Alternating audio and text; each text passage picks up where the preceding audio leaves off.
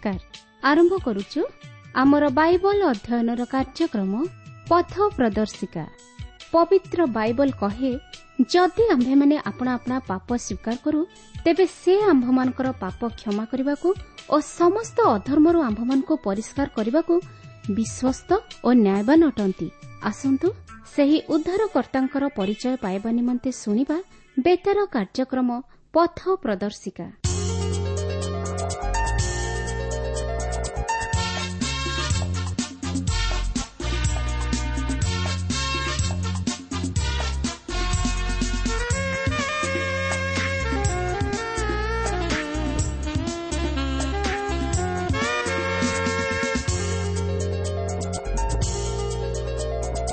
ଆସିବେ ଦିନେ ରାଜାଙ୍କ ରାଜା ପ୍ରସ୍ତୁତ ଆମେ ରହିବା। ଏ ସାରା ଜଗତ ଯୀଶୁଙ୍କୁ ଦେଖିବ ପ୍ରସ୍ତୁତ ଆମେ ରହିବା। ତୁମେ ପ୍ରସ୍ତୁତ ହୁଅ ପ୍ରସ୍ତୁତ କର ଆଗମନ ନିକଟ। ଆସିବେ ଦିନେ ରାଜାଙ୍କ ରାଜା ପ୍ରସ୍ତୁତ ଆମେ ରହିବା।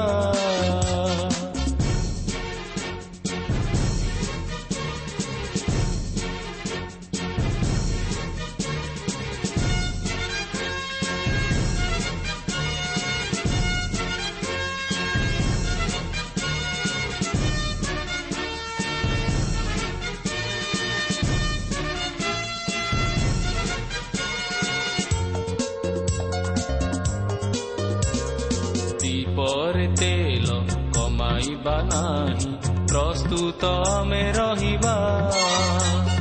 ଦୀପରେ ତେଲ କମାଇବା ନାହିଁ ପ୍ରସ୍ତୁତ ଆମେ ରହିବା। ତୋଡ଼ାକୁ ମାଟିରେ ପୋତିବା ନାହିଁ ପ୍ରସ୍ତୁତ ଆମେ ରହିବା। ତୁମେ ପ୍ରସ୍ତୁତ ହୁଅ ପ୍ରସ୍ତୁତ କର ଆଗମନ ନିକଟ।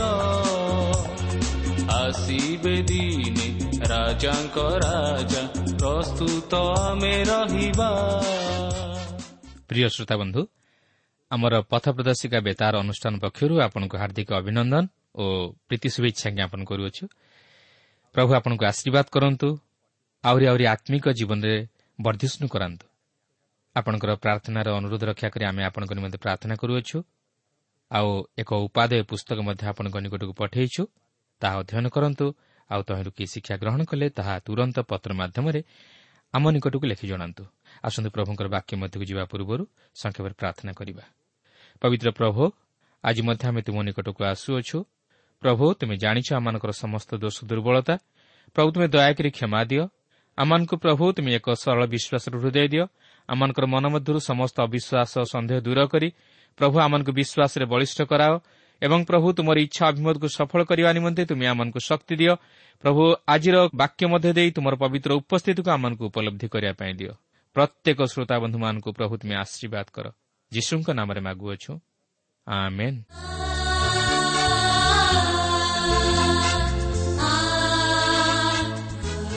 ଆସନ୍ତୁ ବର୍ତ୍ତମାନ ଆମେ ପ୍ରଭୁଙ୍କର ବାକ୍ୟ ମଧ୍ୟକୁ ଯିବା। ଆଜି ଆମେ ଦ୍ୱିତୀୟ ବିବରଣ ପୁସ୍ତକର ତିନି ପର୍ବର ପ୍ରଥମ ପଦରୁ ଆରମ୍ଭ କରି ଚାରି ପର୍ବର ଅଣଚାଶ ପଦ ପର୍ଯ୍ୟନ୍ତ ଅଧ୍ୟୟନ କରିବା ନିମନ୍ତେ ଯିବା। ଏଠାରେ ଆପଣଙ୍କୁ ସ୍ମରଣ କରାଇଦିଏ ଯେ ଏହି ଇସ୍ରାଏଲ୍ ସନ୍ତାନଗଣ ଜର୍ଦ୍ଦନର ପୂର୍ବ ପାରସ୍ଥିତ ମୟାବ ପଦାର ଅଛନ୍ତି ଓ ଏଥିପୂର୍ବରୁ ସେମାନେ ସେହି ପ୍ରାନ୍ତରରେ ଯେଉଁ ସମସ୍ତ ସମସ୍ୟାର ସମ୍ମୁଖୀନ ହୋଇଥିଲେ ଓ ଯେଉଁ ସମସ୍ତ ଶତ୍ରୁମାନଙ୍କର ସମ୍ମୁଖୀନ ହୋଇ ସେମାନଙ୍କ ଉପରେ ବିଜୟ ଲାଭ କରିଥିଲେ ସେହି ସମସ୍ତ ବିଷୟ ମୂଷା ଏଠାରେ ତାଙ୍କର ଇସ୍ରାଏଲ୍ର ନୂତନ ବଂଶଧରମାନଙ୍କୁ ସ୍ମରଣ କରାଇ ଦିଅନ୍ତି ଯେପରି ସେମାନେ ଈଶ୍ୱରଙ୍କର ସମସ୍ତ ଅନୁଗ୍ରହକୁ ସ୍ମରଣ କରି ଓ ତାହାଙ୍କର ସାହାଯ୍ୟକୁ ସ୍ମରଣ କରି ତାଙ୍କଠାରେ ବିଶ୍ୱାସ କରି ତାଙ୍କର ଆଜ୍ଞାବହ ହୋଇ ବଶୀଭୂତ ହୋଇ ରୁହନ୍ତି। ତାହେଲେ ଆସନ୍ତୁ ଏହି ତିନି ପର୍ବରେ ପ୍ରଥମେ ଦେଖିବାକୁ ଯିବା ଯେ ବାସନର ରାଜା ଓଗ୍କୁ ଇସ୍ରାଏଲ୍ ସନ୍ତାନଗଣ କିପରି ପରାସ୍ତ କରୁଅଛନ୍ତି। ଏହି ବାସନର ରାଜା ଓଗ୍ ମଧ୍ୟ ଆଉ ଏକ ଇମୋରିୟମାନଙ୍କ ରାଜା ଥିଲେ।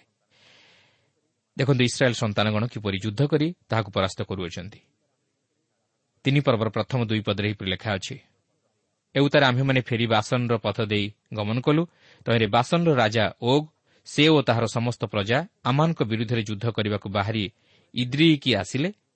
ସେତେବେଳେ ସଦାପ୍ରଭୁ ମୋତେ କହିଲେ ତାହାକୁ ଭୟ କର ନାହିଁ କାରଣ ଆମ୍ଭେ ତାହାକୁ ଓ ତାହାର ସମସ୍ତ ପ୍ରଜାଙ୍କୁ ଓ ତାହାର ଦେଶକୁ ତୁମ୍ଭ ହସ୍ତରେ ସମର୍ପଣ କରିଅଛୁ। ତୁମେ ଯେମନ୍ତ ହିଜବନ ନିବାସୀ ଇମୋରିୟମାନଙ୍କ ରାଜା ସିହୋନ୍ ପ୍ରତି କରିଅଛ ତେମନ୍ତ ତାହାଙ୍କ ପ୍ରତି ମଧ୍ୟ କରିବ। ଦେଖନ୍ତୁ ମୂଷା କିପରି ଈଶ୍ୱରଙ୍କର ମହାନ ଶକ୍ତିର କାର୍ଯ୍ୟକୁ ଇସ୍ରାଏଲ୍ର ଏହି ନୂତନ ବଂଶଧରଙ୍କ ନିକଟରେ ପ୍ରକାଶ କରନ୍ତି।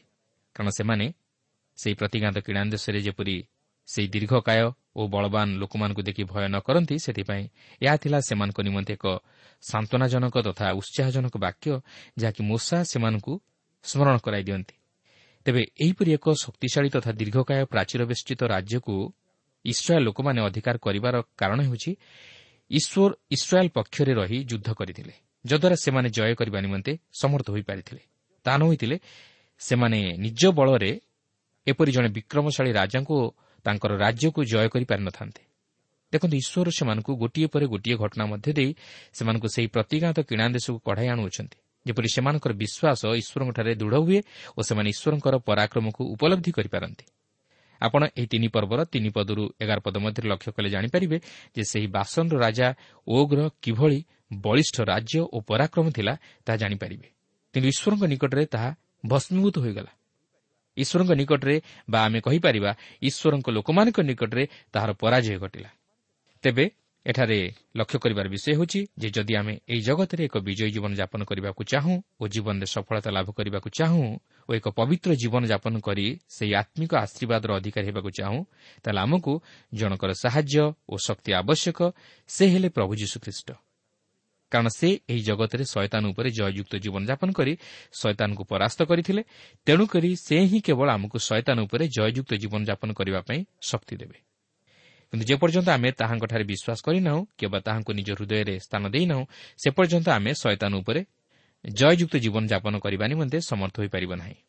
ଆସନ୍ତୁ ଏହାପରେ ଦେଖିବା ଯେ ସେହି ବାସନର ରାଜା ଓଗ୍ର ସମସ୍ତ ରାଜ୍ୟ ଅଧିକାର କରି ତହିଁରେ ବସବାସ କରିବା ନେଇ ମୂଷା କେତେକ ବିଷୟ ପ୍ରକାଶ କରନ୍ତି। କାରଣ ଏହି ସମସ୍ତ ରାଜ୍ୟ ଜର୍ଦ୍ଦନର ପୂର୍ବ ପାରିରେ ଥିଲା ଓ ତହିଁରେ ଇସ୍ରାଏଲ୍ର ଦ୍ୱାଦଶ ଗୋଷ୍ଠୀ ମଧ୍ୟରୁ କେଉଁମାନେ ବସବାସ କଲେ ତାହା ଆମେ ଲକ୍ଷ୍ୟ କରିବା। ତିନି ପର୍ବର ବାର ଓ ତେର ପଦରେ ଏହିପରି ଲେଖା ଅଛି ଏହି ସମୟରେ ଆମମାନେ ଅନ୍ନୋନ୍ ଉପତ୍ୟକା ନିକଟସ୍ଥ ଅରୋଇୟର୍ଠାରୁ ସେହି ସମସ୍ତ ଦେଶ ଅଧିକାର କଲୁ। ତହିଁରେ ମୁଁ ଗିଲିଅଦର ପର୍ବତମୟ ଦେଶର ଅର୍ଦ୍ଧେକ ଓ ତହିଁର ନଗର ସବୁ ରୁବେନ୍ ବଂଶକୁ ଓ ଗାଦ ବଂଶକୁ ଦେଲି। ପୁଣି ମୁଁ ଗିଲିଅଦର ଅବଶିଷ୍ଟ ଅଂଶ ଓ ସମସ୍ତ ବାସନ ଅର୍ଥାତ୍ ଓଗ୍ର ରାଜ୍ୟ ବିଶେଷରେ ସମୁଦାୟ ବାସନ ସହିତ ଅର୍ଗୋବ୍ର ପର୍ବତ ଅଞ୍ଚଳ ମନସିର ଅର୍ଦ୍ଧବଂଶକୁ ଦେଲି। ତାହା ରଫାଇୟ ଦେଶ ବୋଲି ବିଖ୍ୟାତ। ଲକ୍ଷ୍ୟ କରନ୍ତୁ ଏହି ସମସ୍ତ ଓଗ୍ର ରାଜ୍ୟ ଜର୍ଦ୍ଦନ ନଦୀର ପୂର୍ବ ପାରିରେ ଥିଲା। ଓ ଏହି ସମସ୍ତ ରାଜ୍ୟ ଇସ୍ରାଏଲ୍ ବଂଶ ମଧ୍ୟରୁ ରୁବେନ୍ ଗାଦ୍ ଓ ମନସିର ଅର୍ଦ୍ଧବଂଶକୁ ଦିଆଯାଇଥିଲା। କାରଣ ସେମାନେ ସେହି ସ୍ଥାନରେ ବସବାସ କରିବା ନିମନ୍ତେ ପସନ୍ଦ କରିଥିଲେ। କିନ୍ତୁ ସେମାନେ ଜର୍ଦ୍ଦନ ନଦୀକୁ ପାରି ହୋଇ ସେହି କିଣା ଦେଶରେ ପ୍ରବେଶ କରି ତହିଁରେ ବସବାସ କରିବା ନିମନ୍ତେ ଚାହିଁନଥିଲେ। କାରଣ ସେମାନଙ୍କର ଅନେକ ପଶୁପଲ ଥିବାରୁ ସେମାନେ ସେହି ସମସ୍ତ ସ୍ଥାନରେ ବାସ କରିବାକୁ ଚାହିଁଥିଲେ। ଏହା ଥିଲା ସେମାନଙ୍କର ଦୁର୍ବଳତା। ସେମାନେ ଈଶ୍ୱରଙ୍କ ପ୍ରତିଜ୍ଞା ଉପରେ ନିର୍ଭର କରିପାରିଲେ ନାହିଁ। କିନ୍ତୁ ନିଜର ପଶୁପାଳ ପ୍ରତି ଦୃଷ୍ଟି ରଖି ଈଶ୍ୱରଙ୍କୁ ପଛରେ ପକାଇଦେଲେ। ସେମାନେ ସେ ପ୍ରତିଜ୍ଞାତ ଆଶୀର୍ବାଦର ଅଧିକାରୀ ହୋଇପାରିଲେ ନାହିଁ। ସେମାନଙ୍କ ପରବର୍ତ୍ତୀ ଜୀବନକୁ ଆମେ ଯଦି ଲକ୍ଷ୍ୟ କରିବା ତାହେଲେ ଜାଣିପାରିବା ଯେ ସେମାନେ ଯୀଶୁଙ୍କ ସମୟରେ ଘୁଷୁରୀ ପାଳନରେ ବ୍ୟସ୍ତ ଥିଲେ। କାରଣ ଯୀଶୁ ଯେତେବେଳେ ସେହି ଗରାସିଓ ଅଞ୍ଚଳରେ ପ୍ରବେଶ କଲେ ସେତେବେଳେ ଏହି ଗରାସିଓମାନେ ଘୁଷୁରୀ ଚରାଉଥିଲେ। ତେବେ ଏହି ଗରାସିଓମାନେ କିଏ?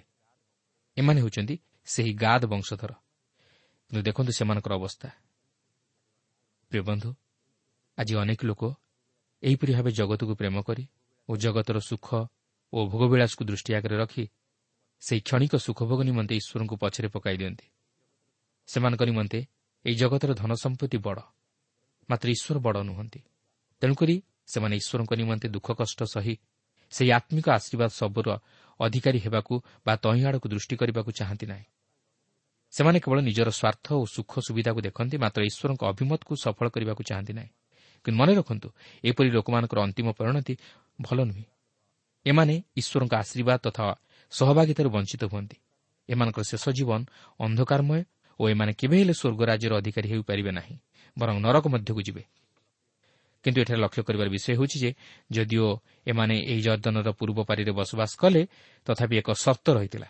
ତାହା ହେଉଛି ଯେ ସେମାନେ ସେମାନଙ୍କର ଭାଇମାନଙ୍କ ସହିତ ଯାଇ ଯୁଦ୍ଧ କରିବେ ଓ ସେହି ଭାଇମାନେ ସେହି ପ୍ରତିଜ୍ଞାତ କିଣା ଦେଶକୁ ଅଧିକାର କରି ତହିଁରେ ବସବାସ ନ କଲା ପର୍ଯ୍ୟନ୍ତ ସେମାନେ ଫେରିଆସି ଜର୍ଦ୍ଦନର ପୂର୍ବ ପାରିରେ ବସତି ସ୍ଥାପନ କରିପାରିବେ ନାହିଁ। ଦେଖନ୍ତୁ ତିନି ପର୍ବର ଅଠର ପଦରେ ଏହିପରି ଲେଖା ଅଛି ଯାହାକି ମୂଷା ସେମାନଙ୍କ ନିକଟରେ ପ୍ରକାଶ କରନ୍ତି। ଅନନ୍ତର ମୁଁ ସେହି ସମୟରେ ତୁମମାନଙ୍କୁ ଆଜ୍ଞା ଦେଇ କହିଲି ସଦାପ୍ରଭୁ ତୁମାନଙ୍କ ପରମେଶ୍ୱର ଅଧିକାରାର୍ଥେ ତୁମମାନଙ୍କୁ ଏହି ଦେଶ ଦେଇଅଛନ୍ତି। ତୁମାନଙ୍କ ମଧ୍ୟରୁ ସମସ୍ତ ବୀରପୁରୁଷ ସସଜ ହୋଇ ତୁମମାନଙ୍କ ଭ୍ରାତୃଗଣ ଇସ୍ରାଏଲ୍ ସନ୍ତାନମାନଙ୍କ ସମ୍ମୁଖରେ ପାର ହୋଇଯିବେ। ଏଠାରେ ଲକ୍ଷ୍ୟ କରିବେ ଯଦିଓ ଏମାନେ ଜର୍ଦ୍ଦନ ନଦୀର ପୂର୍ବ ପାରିରେ ଥିଲେ ମାତ୍ର ସେମାନେ ଯେ ସେମାନଙ୍କ ଭାଇମାନଙ୍କ ନିମନ୍ତେ ଯୁଦ୍ଧ କରି ସେମାନଙ୍କୁ ସାହାଯ୍ୟ କରିବାକୁ ଥିଲା ଏହା ମୂଷା ସେମାନଙ୍କ ନିକଟରେ ପ୍ରକାଶ କରନ୍ତି। ଯଦି ସେମାନେ ସେମାନଙ୍କ ଭାଇମାନଙ୍କ ସାହାଯ୍ୟ ନିମନ୍ତେ ନ ଯାଆନ୍ତି ତାହେଲେ ସେମାନେ ମଧ୍ୟ ସେହି ଜର୍ଦ୍ଦନ ନଦୀର ପୂର୍ବ ପାରିରେ ବସବାସ କରିବାକୁ ଅଧିକାର ପାଇପାରିବେ ନାହିଁ। ଯାହାକି ଆମେ ଏଥିପୂର୍ବରୁ ଗଣନା ପୁସ୍ତକରେ ପାଠ କରିସାରିଛୁ। ଏଠାରେ ଆମେ ଦେଖୁଛୁ ପରସ୍ପର ପ୍ରତି ଏକ କର୍ତ୍ତବ୍ୟ ଓ ସାହାଯ୍ୟ କରିବାର ମନୋଭାବ ଯଦ୍ୱାରା ସେମାନଙ୍କ ମଧ୍ୟରେ ଏକତା ରକ୍ଷା ହୋଇପାରେ। ଏହାପରେ ଏହି ତିନି ପର୍ବର ଏକୋଇଶ ବାଇଶ ପଦରେ ଲକ୍ଷ୍ୟ କରିବେ ମୂଷା ଝିଅ ଉତ୍ସାହ ଦେଇ ତାହାଙ୍କୁ ପ୍ରସ୍ତୁତ କରୁଅଛନ୍ତି ସେହି କିଣା ଦେଶରେ ପ୍ରବେଶ କରିବା ପାଇଁ। କାରଣ ଝିଅସିଓଙ୍କୁ ସେହି ଇସ୍ରାଏଲ୍ର ନୂତନ ବଂଶଧରଙ୍କର ନେତୃତ୍ୱ ନେଇ ସେମାନଙ୍କୁ ସେହି କିଣା ଦେଶରେ ପ୍ରବେଶ କରିବାକୁ ଥିଲା। ଏହାପରେ ତିନି ପର୍ବର ତେଇଶ ପଦରୁ ଅଣତିରିଶ ପଦ ମଧ୍ୟରେ ମୂଷା ତାହାଙ୍କର ବ୍ୟକ୍ତିଗତ ଅନୁଭୂତିକୁ ପ୍ରକାଶ କରୁଅଛନ୍ତି ଯାହାକି ସେ ପ୍ରଭୁଙ୍କ ସହିତ ରହି ସେହିସବୁ ଅନୁଭୂତି ଲାଭ କରିଥିଲେ ଓ ଏଥିସହିତ ସେ ଯେ ସେହି ପ୍ରତିଜ୍ଞାତ କିଣା ଦେଶରେ ପ୍ରବେଶ କରିବାକୁ ଯାଉନାହାନ୍ତି ମାତ୍ର ତାହାଙ୍କ ପଦରେ ଝିଅ ଯେ ଇସ୍ରାଏଲ୍ର ନେତୃତ୍ୱ ନେଇ ସେହି କିଣା ଦେଶରେ ପ୍ରବେଶ କରିବା ପାଇଁ ଯାଉଅଛନ୍ତି ତାହା ପ୍ରକାଶ କରନ୍ତି। କିନ୍ତୁ ପ୍ରକୃତରେ କ'ଣ ମୂଷା ସେହି କିଣା ଦେଶରେ ପ୍ରବେଶ କରିପାରିଲେ ନାହିଁ? କିନ୍ତୁ ଆପଣ ଯଦି ସେହି ନୂତନ ନିୟମରେ ଯୀଶୁଙ୍କର ପର୍ବତ ଉପରେ ରୂପାନ୍ତରିତ ହେବା ଘଟଣା ପ୍ରତି ଦୃଷ୍ଟି ଦେବେ ତାହେଲେ ସେହି ପର୍ବତ ଉପରେ ଯୀଶୁ ମୂଷା ଓ ଏଲିଓଙ୍କ ସହିତ କଥାବାର୍ତ୍ତା କରୁଥିବାର ଶିଷ୍ୟମାନେ ଦେଖିଥିଲେ। ତେବେ ସେହି ପର୍ବତ କେଉଁଠି ଥିଲା? ସେହି ପର୍ବତ ସେହି ପାଲେଷ୍ଟାଇନ୍ ଦେଶରେ ଥିଲା। ତେଣୁ ଏଥିରୁ ଯାହା ଜଣାଯାଏ ଯେ ମୂଷା ତାଙ୍କର ମୃତ୍ୟୁ ପରେ ସେହି କିଣାନ୍ ଦେଶରେ ପ୍ରବେଶ କରିଥିଲେ। ତେଣୁ ପ୍ରିୟ ବନ୍ଧୁ ପୁରାତନ ନିୟମରେ ଇସ୍ରାଏଲ୍ ସନ୍ତାନଗଣ ଯେଉଁ ସମସ୍ତ ଅନୁଭୂତି ମଧ୍ୟ ଦେଇ ଗତି କରିଥିଲେ ସେହି ସମସ୍ତ ବିଷୟ ଖ୍ରୀଷ୍ଟଙ୍କ ପ୍ରତି ଅଙ୍ଗୁଳି ନିର୍ଦ୍ଦେଶ କରୁଥିଲା ଓ ତାହା ଯୀଶୁଖ୍ରୀଷ୍ଟଙ୍କ ଜୀବନରେ ବାସ୍ତବରେ ସଫଳ ହେଲା। କିନ୍ତୁ ଏଠାରେ ଲକ୍ଷ୍ୟ କରିବାର ବିଷୟ ହେଉଛି ଯେ ମୂଷା ଈଶ୍ୱରଙ୍କ ଆଜ୍ଞାର ବିରୁଦ୍ଧାଚରଣ କାର୍ଯ୍ୟ କରିବାରୁ ସେହି କିଣା ଦେଶରେ ପ୍ରବେଶ କରିବାରୁ ବଞ୍ଚିତ ହେଲେ। ବିଚରା ଦୀର୍ଘ ଚାଳିଶ ବର୍ଷ ଧରି ସେ ଯେଉଁ ସମସ୍ତ କଷ୍ଟ ଦୁଃଖ ସହ୍ୟ କରି ସେହି କିଣା ଦେଶରେ ପ୍ରବେଶ କରିବା ନିମନ୍ତେ ଚାହିଁ ରହିଥିଲେ ତାହା କେବଳ ଗୋଟିଏ ମାତ୍ର ଭୁଲ ଲାଗି ସେ ତହିଁରୁ ବଞ୍ଚିତ ହେଲେ। ପ୍ରିୟ ବନ୍ଧୁ ଏହା ଯଦି ମୂଷାଙ୍କ ନିମନ୍ତେ ଘଟିପାରିଲା ତାହେଲେ ଆମମାନେ କିଏ? କିନ୍ତୁ ଧନ୍ୟ ସେହି ଦୟାଳୁ ଈଶ୍ୱର ଯେ କି ଖ୍ରୀଷ୍ଟ ଯୀଶୁଙ୍କ ଦ୍ୱାରା ଆମମାନଙ୍କ ପ୍ରତି ଅନୁଗ୍ରହ ପ୍ରକାଶ କରିଅଛନ୍ତି। ସେହି ପ୍ରଭୁ ଯୀଶୁ ଖ୍ରୀଷ୍ଟଙ୍କ ଦ୍ୱାରା ଆଜି ଆମେ ଅନୁଗ୍ରହରେ ବଞ୍ଚି ରହିଅଛୁ। ତା ନ ହୋଇଥିଲେ ଏହି ଜଗତରେ ଆମର କୌଣସି ଅସ୍ତିତ୍ୱ ନଥାନ୍ତା। ଆମେ ଯେଉଁପରି ଭାବେ ଜୀବନଯାପନ କରୁଅଛୁ ସେଥିଲାଗି ଆମେ ଏହି ଜଗତରେ ବଞ୍ଚି ରହିବାକୁ ସୁଯୋଗ ମଧ୍ୟ ପାଇନଥାନ୍ତୁ। କିନ୍ତୁ ସେହି ପ୍ରଭୁ ଯୀଶୁଖ୍ରୀଷ୍ଟଙ୍କ କୃଷିୟ ମୃତ୍ୟୁ ଓ ତାଙ୍କର ସେହି ପବିତ୍ର ରକ୍ତ ଆମମାନଙ୍କ ନିମନ୍ତେ ପ୍ରାୟଶ୍ଚିତ ସାଧନ କରିଥିବାରୁ ଆଜି ଆମେ ନିଜର ସମସ୍ତ ପାପ ତଥା ଅଧର୍ମ ସତ୍ତ୍ୱେ ମଧ୍ୟ ଏହି ଜଗତରେ ବଞ୍ଚି ରହିବାକୁ ସୁଯୋଗ ପାଇଅଛୁ କିନ୍ତୁ ଏହାର ଅର୍ଥ ନୁହେଁ ଯେ ଆମେ ପାପ ଉପରେ ପାପ କରି ଚାଲିଥିବା ଓ ଈଶ୍ୱରଙ୍କ ମନରେ ଦୁଃଖ ଦେଇ ଚାଲିଥିବା କିନ୍ତୁ ଈଶ୍ୱର ଆମକୁ ଅନୁଗ୍ରହ କରି ସୁଯୋଗ ଦେଇଛନ୍ତି ଯେପରି ଆମେ ଆମର ପାପ ନିମନ୍ତେ ଅନୁତାପ କରି ଓ ପ୍ରଭୁ ଯୀଶୁଖ୍ରୀଷ୍ଟଙ୍କଠାରେ ତାହା ସ୍ୱୀକାର କରି ତହିଁରୁ ଉଦ୍ଧାର ପାଉ ଓ ସେହି ଆତ୍ମିକ ତଥା ସ୍ୱର୍ଗୀୟ ଆଶୀର୍ବାଦର ଅଧିକାରୀ ହେଉ। ତେଣୁ ପ୍ରିୟ ବନ୍ଧୁ କେବେ ହେଲେ ଭାବନ୍ତୁ ନାହିଁ ଯେ ଆପଣ ଯାହା କିଛି କରିଯାଉଛନ୍ତି ତହିଁ ନିମନ୍ତେ ଆପଣଙ୍କୁ ତହିଁର ପ୍ରତିଫଳ ଭୋଗ କରିବାକୁ ପଡ଼ିବ ନାହିଁ ବୋଲି। କାରଣ ଈଶ୍ୱର ହେଉଛନ୍ତି ଆମମାନଙ୍କର ସୃଷ୍ଟିକର୍ତ୍ତା ଓ ସେ ହେଉଛନ୍ତି ପବିତ୍ର ଈଶ୍ୱର। ସେ ହେଉଛନ୍ତି ନ୍ୟାୟବାନ ଈଶ୍ୱର। ତେଣୁକରି ସେ ମଧ୍ୟ ଚାହାନ୍ତି ଆମମାନେ ଯେପରି ପବିତ୍ର ହେଉ ଓ ତାହାଙ୍କ ଆଜ୍ଞା ଅନୁଯାୟୀ ଜୀବନଯାପନ କରୁ। କିନ୍ତୁ ଆମେ ଯଦି ଅବାଟରେ ଯାଉ ଓ ଅପବିତ୍ର ଜୀବନଯାପନ କରି ପାପରେ ଲିପ୍ତ ରହୁ ତାହେଲେ ଆମମାନଙ୍କର ବିଚାର ସୁନିଶ୍ଚିତ। କାରଣ ଈଶ୍ୱର ଏହି ଜଗତରେ ବିଚାର କରିବାକୁ ଯାଉଅଛନ୍ତି ଓ ସେ ପ୍ରତ୍ୟେକଙ୍କର ବିଚାର କରିବେ। ସେ ମୃତ ଓ ଜୀବିତମାନଙ୍କର ବିଚାର କରିବେ ଅର୍ଥାତ୍ ଯେଉଁମାନେ ମୃତ ହୋଇଥିବେ ସେମାନେ ମଧ୍ୟ ସେହି ବିଚାର ସମୟରେ ଉଠିବେ ଓ ପ୍ରତ୍ୟେକଙ୍କର ବିଚାର କରାଯିବ। କାରଣ ପ୍ରକାଶିତ ବାକ୍ୟ ବାଇଶ ପର୍ବର ବାର ପଦରେ ଏହିପରି ଲେଖା ଅଛି ଦେଖ ଆମେ ଶୀଘ୍ର ଆସୁଅଛୁ। ପ୍ରତ୍ୟେକ ଲୋକକୁ ତାହାର କର୍ମାନୁସାରେ ଫଳ ଦେବାକୁ ଆମ୍ଭର ପୁରସ୍କାର ଆମ୍ଭ ସଙ୍ଗରେ ଅଛି। ତେଣୁ ପ୍ରିୟ ବନ୍ଧୁ ଏକ ଦିନ ଆସୁଅଛି। ଈଶ୍ୱର ଧାର୍ମିକ ଓ ଅଧାର୍ମିକ ଉଭୟଙ୍କର ବିଚାର କରି ଧାର୍ମିକମାନଙ୍କୁ ସେହି ଅନନ୍ତ ରାଜ୍ୟରେ ପ୍ରବେଶ କରାଇବେ। ମାତ୍ର ଅଧାର୍ମିକମାନଙ୍କୁ ଅର୍ଥାତ୍ ଯେଉଁମାନେ ଯୀଶୁଖ୍ରୀଷ୍ଟଙ୍କଠାରେ ବିଶ୍ୱାସ ନ କରି ନିଜ ନିଜର ପାପରେ ଓ ଅଧର୍ମରେ ମୃତ ହୋଇଥିବେ ସେମାନେ ସେହି ଅନନ୍ତ ନରକ ଯନ୍ତ୍ରଣାରେ ପତିତ ହୋଇ ଅନନ୍ତ କାଳ ପର୍ଯ୍ୟନ୍ତ ନରକ ଯନ୍ତ୍ରଣା ଭୋଗ କରିବେ। ଏହା ଈଶ୍ୱରଙ୍କ ବାକ୍ୟ ବାଇବଲ ପ୍ରକାଶ କରେ।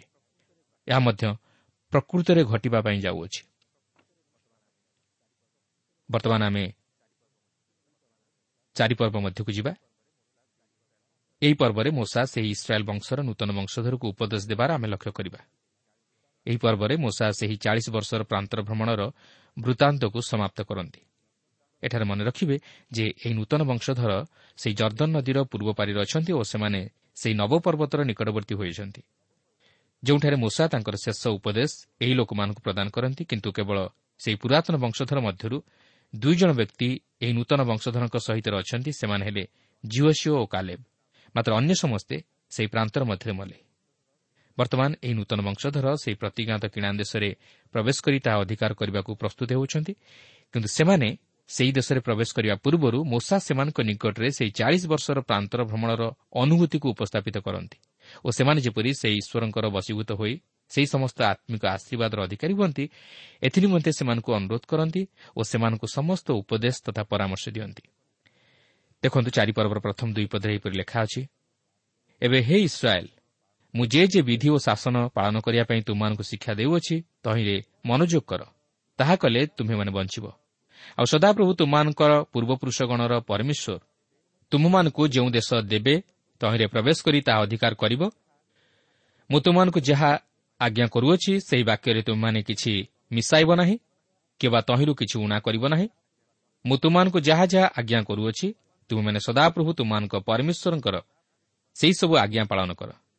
ଲକ୍ଷ୍ୟ କରିବେ ଏହି ଅଂଶରେ ମୂଷା ଏହି ଇସ୍ରାଏଲ୍ର ନୂତନ ବଂଶଧରଙ୍କୁ ଉପଦେଶ ଦେଇ କୁହନ୍ତି ଈଶ୍ୱରଙ୍କର ଆଜ୍ଞା ପାଳନ କରିବା ନିମନ୍ତେ।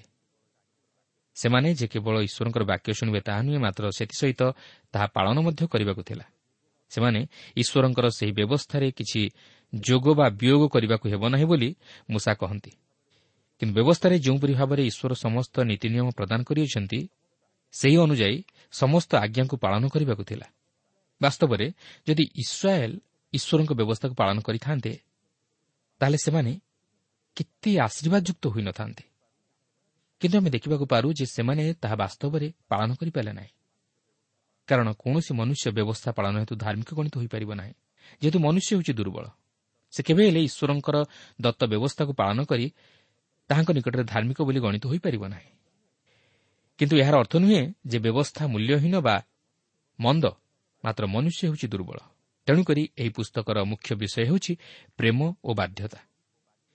ଏହି ପ୍ରେମ ଓ ବାଧ୍ୟତା ଉପରେ ବିଶେଷ ଗୁରୁତ୍ୱ ଦିଆଯାଏ। କିନ୍ତୁ ମନୁଷ୍ୟ ଏହି ସମସ୍ତ ପାଳନ କରିବାରେ ବିଫଳ ହେବାରୁ ଈଶ୍ୱର ଜଗତକୁ ପ୍ରେମ କରି ତାଙ୍କର ଅଦ୍ୱିତୀୟ ପ୍ରିୟପୁତ୍ର ପ୍ରଭୁ ଯୀଶୁଖ୍ରୀଷ୍ଟଙ୍କୁ ଏହି ଜଗତକୁ ପଠାଇଲେ ଯେପରି ତାହାଙ୍କଠାରେ ବିଶ୍ୱାସ କରିବା ଦ୍ୱାରା ପାପି ପାପରୁ ଉଦ୍ଧାର ପାଏ। କାରଣ ବ୍ୟବସ୍ଥା ଅନୁଯାୟୀ ସମସ୍ତ ଧର୍ମକର୍ମ ସାଧନ କରିଥିବାରୁ ବ୍ୟବସ୍ଥାର ଅଧୀନରେ ଥିବା ସମସ୍ତଙ୍କୁ ମୁକ୍ତ କରିପାରନ୍ତି। ତେଣୁକରି ବର୍ତ୍ତମାନ ଆମେ ବ୍ୟବସ୍ଥାର ଅଧୀନରେ ନାହୁଁ ମାତ୍ର ଖ୍ରୀଷ୍ଟଙ୍କ ଅଧୀନରେ ଅଛୁ। କିନ୍ତୁ ଏଠାରେ ଲକ୍ଷ୍ୟ କରିବାର ବିଷୟ ହେଉଛି ମୂଷା ସେମାନଙ୍କୁ ଈଶ୍ୱରଙ୍କ ବାଧ୍ୟ ହେବା ନିମନ୍ତେ ଉପଦେଶ ଦିଅନ୍ତି। କାହିଁକି ଜାଣନ୍ତି? ଦେଖନ୍ତୁ ମୂଷା ଏହାର ଚାରୋଟି କାରଣ ଦର୍ଶାନ୍ତି। ଚାରିପର୍ବର ପ୍ରଥମ ପଦ ପ୍ରକାଶ କରେ ଯେ ଈଶ୍ୱର ସେମାନଙ୍କୁ ସୁରକ୍ଷା ଓ ସମ୍ଭ୍ରମଶାଳୀ କରିବାକୁ ଚାହିଁଥିଲେ ଓ ସେମାନଙ୍କୁ ଆଶୀର୍ବାଦ କରିବାକୁ ଚାହିଁଥିଲେ। ଏହାପରେ ଏହି ଚାରିପର୍ବର ପାଞ୍ଚ ପଦରୁ ଆଠ ପଦ ମଧ୍ୟରେ ଲକ୍ଷ୍ୟ କଲେ ଆପଣ ଜାଣିପାରିବେ ଯେ ଇସ୍ରାଏଲ୍ ଲୋକମାନଙ୍କର ଈଶ୍ୱରଙ୍କ ପ୍ରତି ବାଧ୍ୟତା ସେମାନଙ୍କର କୃତଜ୍ଞତା ଈଶ୍ୱରଙ୍କ ପ୍ରତି ପ୍ରକାଶ କରେ। କାରଣ ଈଶ୍ୱର ସେମାନଙ୍କୁ ଏତେ ଆଶ୍ଚର୍ଯ୍ୟ ପ୍ରକାରେ ଆଶୀର୍ବାଦ କରିଥିଲେ ଯେ ସେମାନେ ଈଶ୍ୱରଙ୍କ ବାଧ୍ୟ ହେବା ଦ୍ୱାରା ସେମାନଙ୍କର କୃତଜ୍ଞତା ଈଶ୍ୱରଙ୍କ ପ୍ରତି ପ୍ରଦର୍ଶିତ କରିବାକୁ ଥିଲା। ତୃତୀୟରେ ଈଶ୍ୱରଙ୍କର ପ୍ରେମ ହେତୁ ସେମାନେ ଈଶ୍ୱରଙ୍କ ବ୍ୟବସ୍ଥାକୁ ପାଳନ କରିବାକୁ ଥିଲା ଯାହାକି ଚାରିପର୍ବର ସଇଁତିରିଶ ପଦରେ ଲେଖା ଅଛି। ଚତୁର୍ଥରେ ସେମାନେ ଈଶ୍ୱରଙ୍କର ମନୋନୀତ ଜାତି ହୋଇଥିବାରୁ ସେମାନେ ଈଶ୍ୱରଙ୍କ ବ୍ୟବସ୍ଥା ପାଳନ କରିବାକୁ ଥିଲା ଯାହାକି ଦ୍ୱିତୀୟ ବିବରଣ ଚଉଦ ପର୍ବର ପ୍ରଥମ ପଦରେ ଆପଣ ଦେଖିବାକୁ ପାରିବେ। ପ୍ରକୃତରେ ଈଶ୍ୱରଙ୍କ ପ୍ରତି ବାଧ୍ୟତା ହେଉଛି ମନୁଷ୍ୟ ଜୀବନର ପ୍ରଥମ ବିଷୟ। କିନ୍ତୁ ମନୁଷ୍ୟ ଈଶ୍ୱରଙ୍କର ବାଧ୍ୟ ହେବାକୁ ଚାହେଁ ନା। ଓ ସେ ଈଶ୍ୱରଙ୍କର ଆଜ୍ଞାର ବିପରୀତ କାର୍ଯ୍ୟ କରେ ଯାହାକି ଆମେ ଈଶ୍ୱରଙ୍କ ବାକ୍ୟ ମାଧ୍ୟମରେ ତାହା ଦେଖିବାକୁ ପାରୁ। ଓ ଏହା ଆଜି ମଧ୍ୟ ମନୁଷ୍ୟ ଜୀବନରେ ଘଟୁଅଛି। ଯାହାକି ସେହି ଇସ୍ରାଏଲ୍ ଲୋକମାନଙ୍କ ଜୀବନରେ ମଧ୍ୟ ଘଟିଥିଲା। ତେଣୁ ମନୁଷ୍ୟ କେବେ ହେଲେ ଈଶ୍ୱରଙ୍କ ବ୍ୟବସ୍ଥା ପାଳନ ହେତୁ ଧାର୍ମିକ ଗଣିତ ହୋଇପାରିବ ନାହିଁ କିନ୍ତୁ ଯୀଶୁଖ୍ରୀଷ୍ଟଙ୍କଠାରେ ବିଶ୍ୱାସ କରିବା ଦ୍ୱାରା ଓ ତାହାଙ୍କୁ ନିଜର ହୃଦୟରେ ଉଦ୍ଧାରକର୍ତ୍ତା ରୂପେ ଗ୍ରହଣ କରିବା ଦ୍ୱାରା ତାହାଙ୍କ ଧାର୍ମିକତା ଦ୍ୱାରା ଧାର୍ମିକ ବୋଲି ଗଣିତ ହୋଇପାରିବ। କାରଣ ସେ ହିଁ କେବଳ ଏକମାତ୍ର ବ୍ୟକ୍ତି ଯିଏକି ବ୍ୟବସ୍ଥା ଅନୁଯାୟୀ ସମସ୍ତ ଧର୍ମକର୍ମ ସାଧନ କରି ତାଙ୍କର ସେହି ପବିତ୍ର ରକ୍ତ ଦେଇ ଆମମାନଙ୍କ ନିମନ୍ତେ ପ୍ରାୟଶ୍ଚିତ ସାଧନ କରିଅଛନ୍ତି ଯେପରି ତାହାଙ୍କଠାରେ ବିଶ୍ୱାସ କରିବା ଦ୍ୱାରା ପାପି ଉଦ୍ଧାର ପାଇ ଈଶ୍ୱରଙ୍କ ସନ୍ତାନ ରୂପେ ଗଣିତ ହୁଏ। ଆସନ୍ତୁ ଏହାପରେ ଦେଖିବା ବାଧ୍ୟତା ଓ ଅବାଧ୍ୟତାର ଫଳ କ'ଣ ଯାହାକି ମୂଷା ସେହି ଇସ୍ରାଏଲ୍ ସନ୍ତାନଗଣର ନୂତନ ବଂଶଧରଙ୍କ ନିକଟରେ ପ୍ରକାଶ କରନ୍ତି। ଯେପରି ସେମାନେ ସେହି ପ୍ରତିଘାତ କିଣା ଦେଶରେ ପ୍ରବେଶ କରି ସେହି ସମସ୍ତ ବିଷୟକୁ ସ୍ମରଣ କରି ତାହା ପାଳନ କରିବା ଦ୍ୱାରା ଆଶୀର୍ବାଦର ଅଧିକାରୀ ହୁଅନ୍ତି। ଦେଖନ୍ତୁ ଚାରିପର୍ବର ତିନି ଓ ଚାରିପଦରେ ଏହିପରି ଲେଖା ଅଛି ବାଲ୍ପିଓର ବିଷୟରେ ସଦାପ୍ରଭୁ ଯାହା କଲେ ତାହା ତୁମାନଙ୍କ ଚକ୍ଷୁ ଦେଖିଅଛି। କାରଣ ସଦାପ୍ରଭୁ ତୁମ୍ଭ ପରମେଶ୍ୱର ବାଲ୍ପିଓରର ପଶ୍ଚାତ୍ଗାମୀ ସମସ୍ତ ଲୋକଙ୍କୁ ତୁମ୍ଭ ମଧ୍ୟରୁ ବିନଷ୍ଟ କରିଅଛନ୍ତି।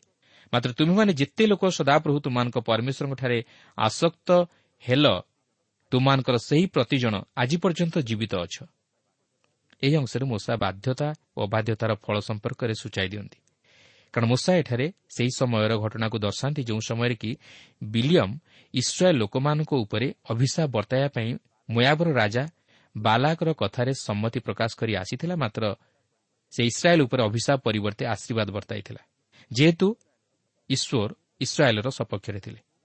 କିନ୍ତୁ ସେ ଅଭିଶାପ ବର୍ତ୍ତାଇ ନ ପାରିବାରୁ ବାଲାକ ସହିତ ଏକ ଚକ୍ରାନ୍ତ କରି ଇସ୍ରାଏଲ୍ ସନ୍ତାନଗଣ ଯେପରି ମୟାବୀୟ ଲୋକମାନଙ୍କ ସହିତ ମିଶାମିଶି କରି ସେମାନଙ୍କ ସହିତ ବିବାହ କରି ପାପରେ ପତିତ ହୁଅନ୍ତି ଏଥିନିମନ୍ତେ ଏକ ଷଡ଼ଯନ୍ତ୍ର କରିଥିଲା ଯାହାଫଳରେ ଇସ୍ରାଏଲ୍ ସନ୍ତାନଗଣ ମୟାବିଆ କନ୍ୟାଗଣ ସହିତ ବିବାହ କରି ଓ ପ୍ରତିମା ପୂଜା କରି ବ୍ୟଭିଚାର ଓ ପ୍ରତିମା ପୂଜା ରୂପକ ପାପରେ ପତିତ ହେଲେ। ଫଳତଃ ଇସ୍ରାଏଲ୍ ସନ୍ତାନଗଣ ପ୍ରତି ଈଶ୍ୱରଙ୍କ କ୍ରୋଧ ବର୍ତ୍ତିଲା ଓ ସେମାନଙ୍କ ପିତୃପୁରୁଷମାନେ ଯେଉଁମାନେ କି ବିଲିୟମର ଚକ୍ରାନ୍ତରେ ପଡ଼ି ପାପ କଲେ ସେମାନେ ସମସ୍ତେ ସେହି ପ୍ରାନ୍ତର ମଧ୍ୟରେ ମଲେ। ମାତ୍ର ଯେଉଁମାନେ ତହିଁରୁ ନିଜକୁ ବଞ୍ଚିତ କରିଥିଲେ ସେମାନେ ରକ୍ଷା ପାଇଲେ ଯାହାକି ଗଣନା ପୁସ୍ତକ ପଚିଶ ପର୍ବରେ ଉଲ୍ଲେଖ କରାଯାଇଅଛି। ଓ ଏହି ଘଟଣା ଏହି ନୂତନ ବଂଶଧରମାନଙ୍କ ପ୍ରତି ଏକ ଦୃଷ୍ଟାନ୍ତ ସ୍ୱରୂପ ଥିଲା ଯାହାକି ମୂଷା ସେମାନଙ୍କୁ ସ୍ମରଣ କରାଇ ଦିଅନ୍ତି।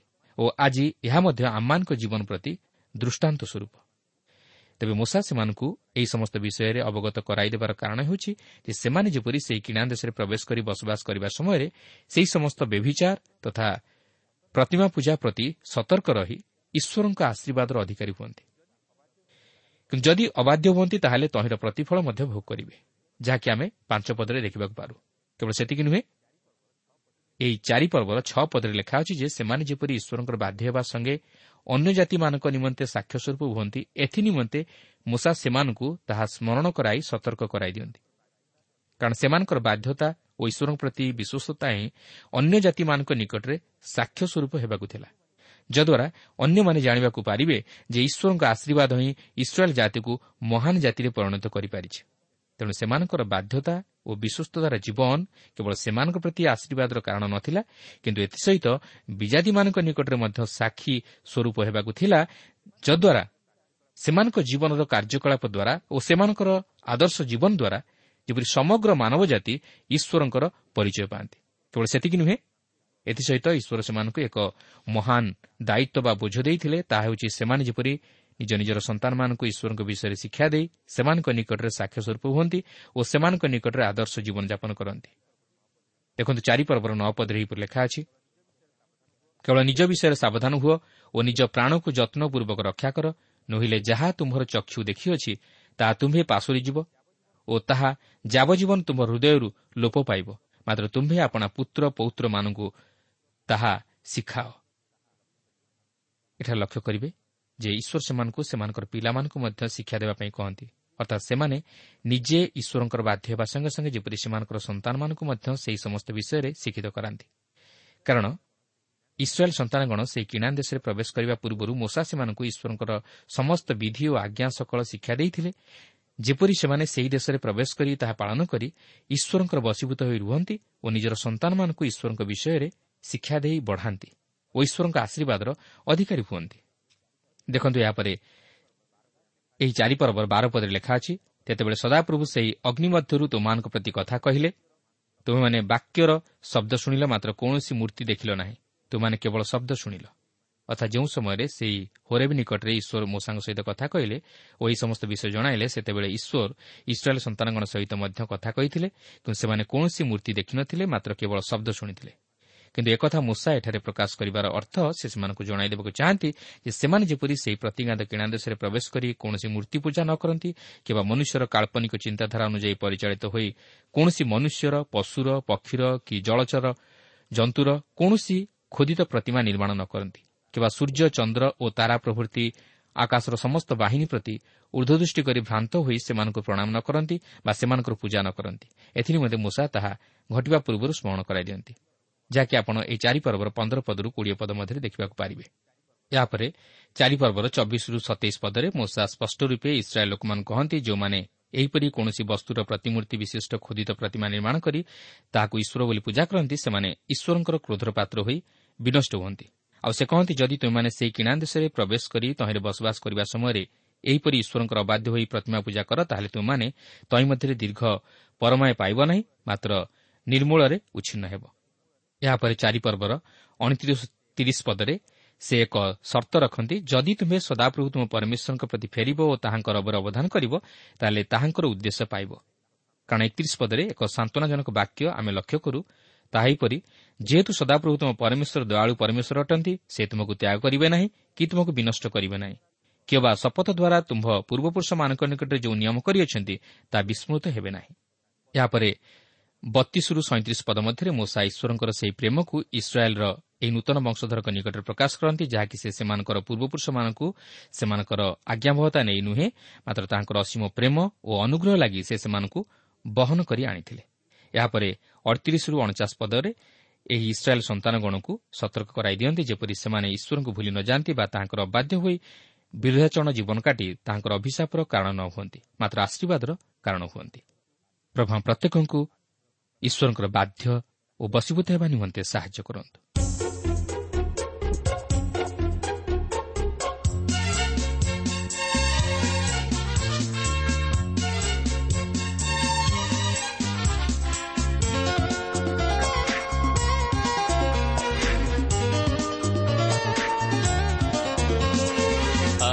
ଯେ ଅଛି ପଛେଇ ଯିବ ପ୍ରସ୍ତୁତ ଆମେ ରହିବା। যে অছি অছেই জীব প্রস্তুত আমি রহিবা শেষ পর্যন্ত ধরিলে ধৈর্য উদ্ধার পাইবা তুমি প্রস্তুত হুয়া প্রস্তুত কর আগমন নিকট আসিবে দিন রাজাঙ্ক রাজ ପ୍ରସ୍ତୁତ ଆମେ ରହିବା।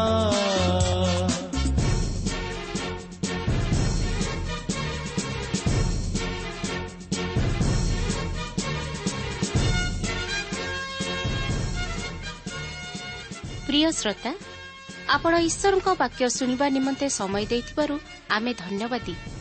ଆପଣ ଯଦି ପ୍ରଭୁ ଯୀଶୁଙ୍କର ବାକ୍ୟ ବିଷୟରେ ଓ ତାହାଙ୍କର ପ୍ରେମ ବିଷୟରେ ଅଧିକ ଜାଣିବାକୁ ଚାହାନ୍ତି ଯାହାକି ଆପଣଙ୍କୁ ପାପରୁ ଉଦ୍ଧାର ପାଇବା ନିମନ୍ତେ ପଥ ଦେଖାଇବ ତାହେଲେ ଆମ ସହିତ ପତ୍ର ମାଧ୍ୟମରେ ଅଥବା ଟେଲିଫୋନ୍ ଯୋଗେ ଯୋଗାଯୋଗ କରନ୍ତୁ। ଆମର ଠିକଣା ପଥ ପ୍ରଦର୍ଶିକା Trans World Radio India post box number ତିନି ତିନି ଭୁବନେଶ୍ୱର ସାତ ପାଞ୍ଚ ଏକ ଶୂନ ଶୂନ ଏକ। Mobile number nine seven double seven double two one four one five. ଠିକଣାଟି ଆଉଥରେ ଶୁଣନ୍ତୁ।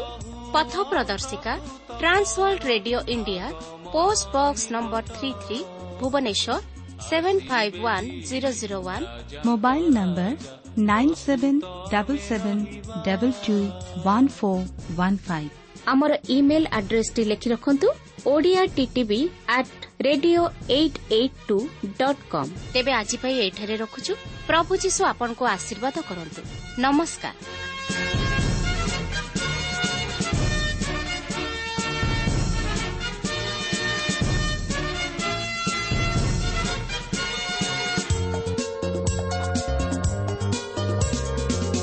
ନିଜର ମହିମା କେବେ ହିଁ ନ ଖୋଜି ପ୍ରସ୍ତୁତ ଆମେ ରହିବା।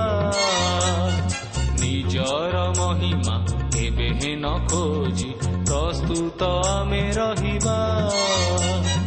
କୁଆଡ଼େ ନଥିବା ଆମେ ଶଙ୍କୁ ଖୋଜିବା ପ୍ରସ୍ତୁତ ଆମେ ରହିବା। ତୁମେ ପ୍ରସ୍ତୁତ ହୁଅ